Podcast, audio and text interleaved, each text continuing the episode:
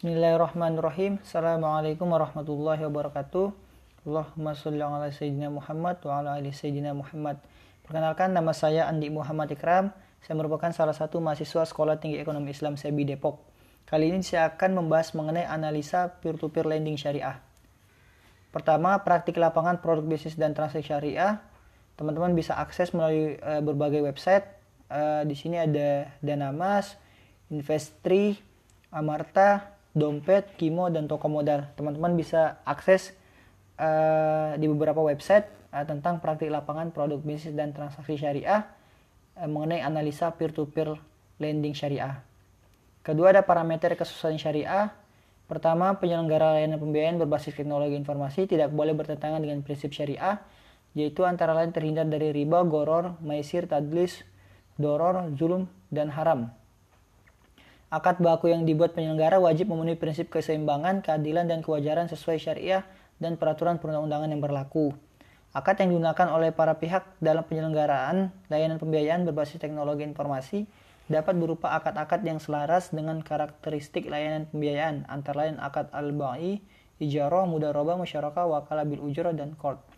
Penggunaan tanda tangan elektronik dalam sertifikat elektronik yang dilaksanakan oleh penyelenggara wajib dilaksanakan dengan syarat terjamin validitas dan autentikasinya sesuai dengan peraturan perundang-undangan yang berlaku. Adab dan etika bisnis Islam. Adab dan etika bisnis Islam. Layanan pembiayaan berbasis teknologi informasi dibolehkan dengan syarat sesuai dengan prinsip syariah. Pelaksanaan layanan pembiayaan berbasis teknologi informasi berdasarkan prinsip syariah wajib mengikuti ketentuan yang terdapat dalam fatwa ini. Subjek hukum dalam kegiatan layanan pembiayaan berbasis teknologi informasi yaitu penyelenggara, penerima pembiayaan, dan pemberi pembiayaan.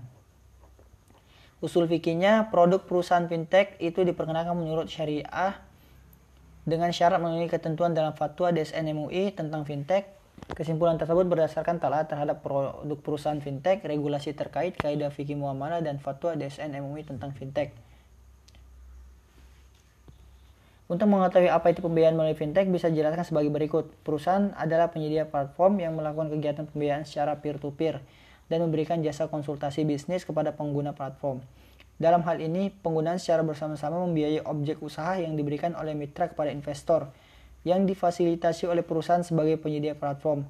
Layanan adalah jasa penyedia ruang virtual yang disediakan perusahaan fintech pada platform untuk mempertemukan investor dan mitra dalam rangka melaksanakan kegiatan pembiayaan secara peer-to-peer. -peer dan platform adalah teknologi, sistem elektronik, website, atau mobile application yang disediakan perusahaan kepada pengguna untuk dapat mengunjungi dan mengakses layanan. Kaidah fikihnya, pada dasarnya segala bentuk muamalat diperbolehkan kecuali ada dalil yang mengharamkannya.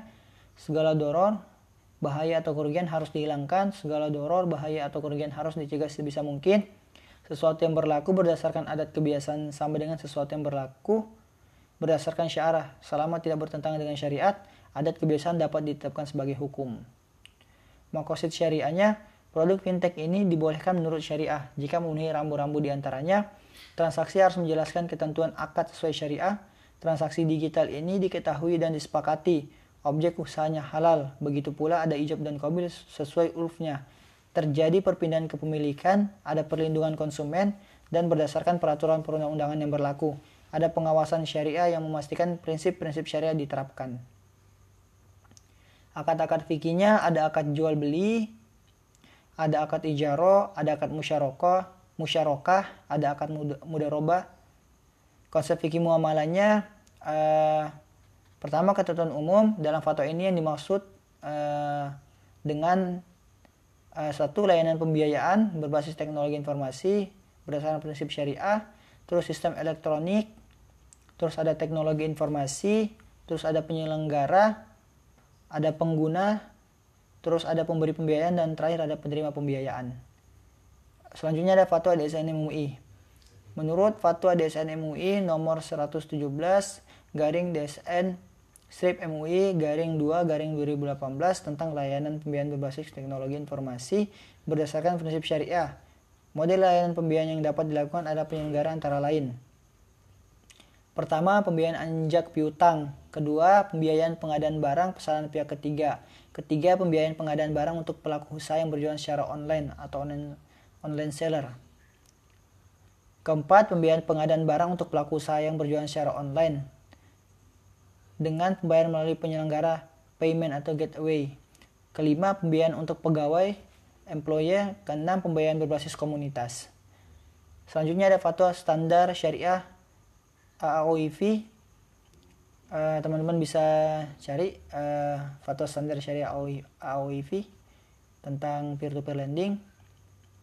Uh, di sini salah satunya adalah Muhyiddin Syaraf Al-Nawawi uh, ada Raudo Al-Talibin Riyad Dor Al-Alam Al-Kutub 1423 Hijriah uh, terus yang dimaksud dengan majelis yang disyaratkan memberikan di dalamnya adalah majelis tawayub tawayub saling menetapkan yaitu majelis yang menghasilkan ketertarikan utara ijab dan kabul dan tanpa mempertimbangkan tempat berlangsungnya akad. Terus ada undang-undang dan regulasi terkait, eh, undang-undang perbankan syariah, SBSN, undang-undang produk hal dan POJK. Itu peraturan terkait lending tertuang dalam peraturan otoritas jasa keuangan POJK nomor 77 garing POJK titik 01 garing 2016 mengenai layanan pinjam meminjam uang berbasis teknologi informasi. Apa saja yang diatur dalam POJK nomor 77 garing 2016 ketentuan umum penyelenggaraan penggunaan jasa LPMUBTI perjanjian mitigasi resiko tata kelola sistem TI edukasi dan perlindungan penggunaan LP LPMUBTI tanda tangan elektronik prinsip dan teknis pengenalan nasabah larangan laporan berkala sanksi ketentuan lain ketentuan peralihan ketentuan penutup. Teman-teman juga bisa akses di berbagai jurnal-jurnal nasional dan internasional. Dan juga terakhir ada berita dan informasi eh, mengenai fintech. Teman-teman bisa akses di website. Terakhir ada manajemen risiko dan manajemen pemasaran. Penyediaan layanan perdagangan berbasis teknologi informasi dan penyelenggara melakukan kerjasama pemberian pembiayaan kepada pelaku bahwa Masyarakat Indonesia memerlukan penjelasan mengenai ketentuan dan batasan hukum terkait layanan pembiayaan berbasis teknologi informasi berdasarkan prinsip syariah bahwa berdasarkan pertimbangan pada huruf A dan huruf B DSN MUI memandang perlu untuk menetapkan fatwa tentang layanan pembiayaan berbasis teknologi informasi berdasarkan prinsip syariah untuk dijadikan pedoman. Mungkin cukup sekian penjelasan dari saya mengenai uh, analisa peer-to-peer lending syariah. Kurang lebihnya mohon dimaafkan. Assalamualaikum warahmatullahi wabarakatuh.